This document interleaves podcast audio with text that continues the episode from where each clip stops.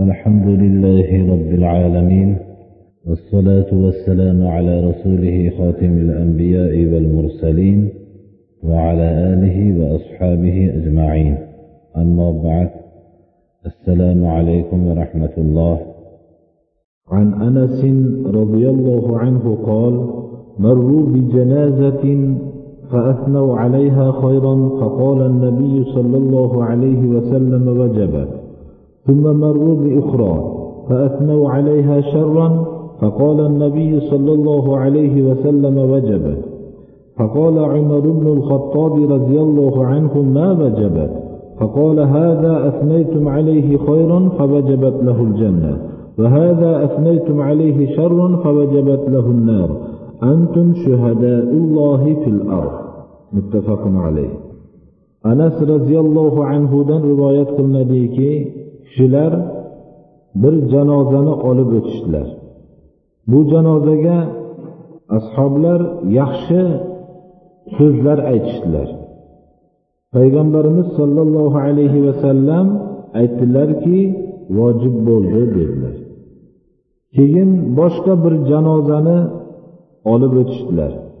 Shunda ham ashoblar bu janozani haqida avvalgining aksini qilishib yomonlik uni haqida yomon so'z aytishdilar. Ya'ni bu odamni haqida yomonlik bilan guvohlik berishdilar. Payg'ambarimiz sollallohu alayhi vasallam aytdilarki vojib bo'ldi dedi. Umar ibn hattob roziyallohu anhu aytadilarki savol qilib so'radim dedilar. Nima narsa vojib bo'ldi? Ikkovida ham bir xil javob bo'ldiki ya'ni yaxshilik bilan bir mayit haqida bir so'z aytganimizda ham vojib bo'ldi dedilar va yomonlik bilan guvohlik berganimizda ham vojib bo'ldi dedilar. Nima narsa vojib bo'ldi deb so'raganlarda avvalgisiga yaxshilik bilan guvohlik berib uni haqida yaxshi so'zlar aytdinglar bunga jannat vojib bo'ldi dedilar. Bu keyingisi haqida yomon yomonlik bilan guvohlik berdinglar bunga do'zax vojib bo'ldi dedilar. Sizlar yerdagi ollohning guvohlarisizlar dedilar. Bu hadis sharifdan bir necha nuqtalar chiqarib olsak bo'ladi.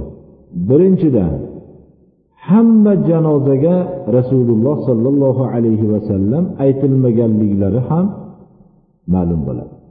Ya'ni rasululloh sollallohu alayhi vasallamning oldilaridan janoza olib o'tib ketilindi.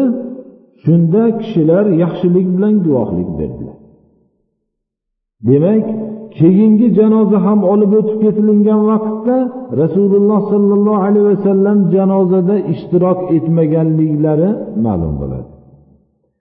Ikkinchidan ashoblar janoza haqida so'rashganlarida to'g'ri guvohlik berganliklari ma'lum bo'ladi.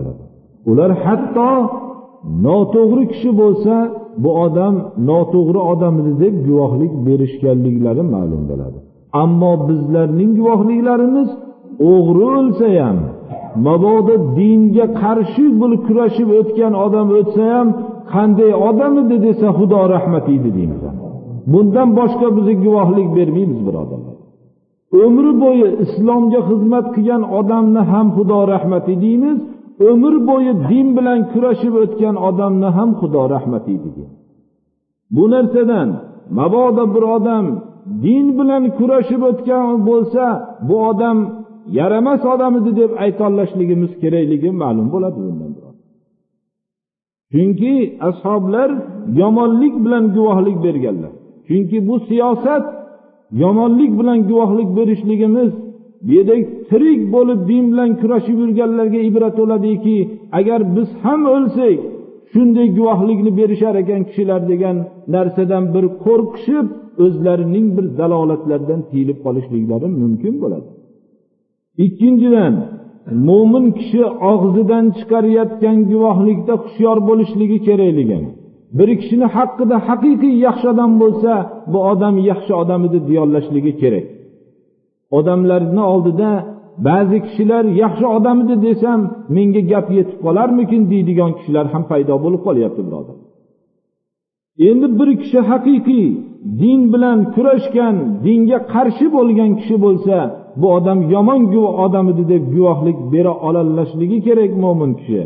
U o'zining og'zidan chiqqan so'zga o'zi his qilishligi kerakki men ollohning yerdagi guvohi ekanman to'g'ri guvohlik berishligim kerak deb tafakkur qilmoqligi kerak. Bu hadis sharifdan mana bu narsa ma'lum bo'ladiki payg'ambarimiz sollallohu alayhi vasallam borlik vaqtlarida ham janoza bu kishiga e'lon qilinmasdan ham o'qilganligi ma'lum bo'ladi. Haqiqatda ham bu o'zi fitratga ham muvofiqki bir kishining hamma janozaga ulgurgan bo'lishligi mumkin emas albatta. Mo'min kishi doim ollohning yerdagi guvohiman degan narsani tasavvur qila olishligi kerak. Umar ibn hattob shahid bo'lganlarida u kishiga hanjar urilgan vaqtda shunda ham og'ir bir holatda turib jon taslim qilish arafasida turganlarida abdulloh ibn abbos roziyallohu anhudek katta zot yo umar dedilar roziyallohu anhu g'amgin bo'lmang. Siz birinchi islomda iymon keltirganlar safidan bo'ldingiz keyin islomga xizmat qildingiz umr bo'yi rasululloh sollallohu alayhi vasallamning yonlarida turib xizmat qildingiz keyin mana abu bakr roziyallohu anhu xalifa qilindi.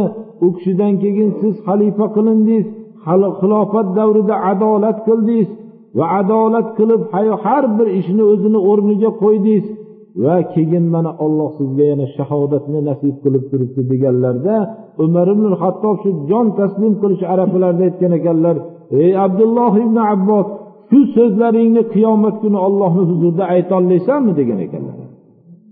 Shunda men aytolmayman degan ekanlar. Haqiqiy men guvohlik beryapman deganlarda unday bo'lsa meni haqqimda bu so'zni aytishlikka haqqing bor degan ekanlar. Kishi bir narsani guvohlik berishlikda ho birovni yaxshi yo yomon deyishlikda hatto qiyomat kuni ham qo'rqmasdan shuni aytolmaydigan bo'lmoqligi kerak. Ana shunday bundan birodarlar bir dinda hech qanday amal qilmagan balki din bilan islom bilan kurashib o'tgan odamlarning haqqida birovning xudo rahmatiydi degan so'zi bilan unga jannat lozim bo'lib qolmaydi birodarlar.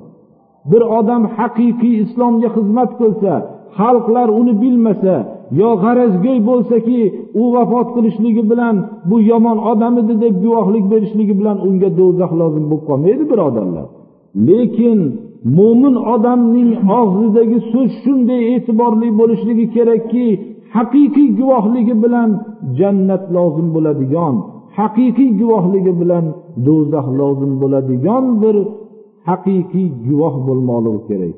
U bir yerdagi insonlarning guvohi deyilayotgani yo'q rasululloh sollallohu alayhi vasallam antum shuhadaullohi fil ard yerdagi ollohning guvohi sizlar deyaptilar mo'min kishi shuning uchun bir odam haqida berayotgan guvohligida olloh uchun guvohlik bermoqligim kerak deb tafakkur qilmoqligi kerak.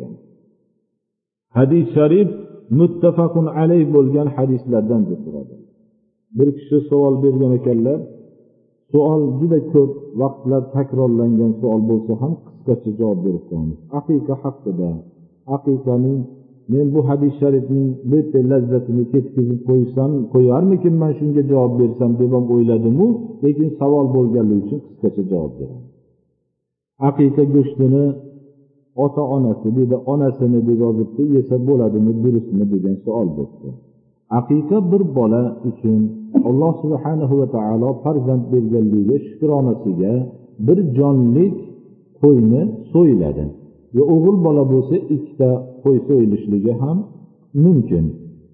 Shu qo'yni so'yilishlik bu ziyofat go'sht ziyofati bo'lganligi uchun shuning uchun bu qurbonlikdan farq bo'lgani uchun qurbonlikda bir qismini o'zi olib qo'yib ham bo'ladi mana.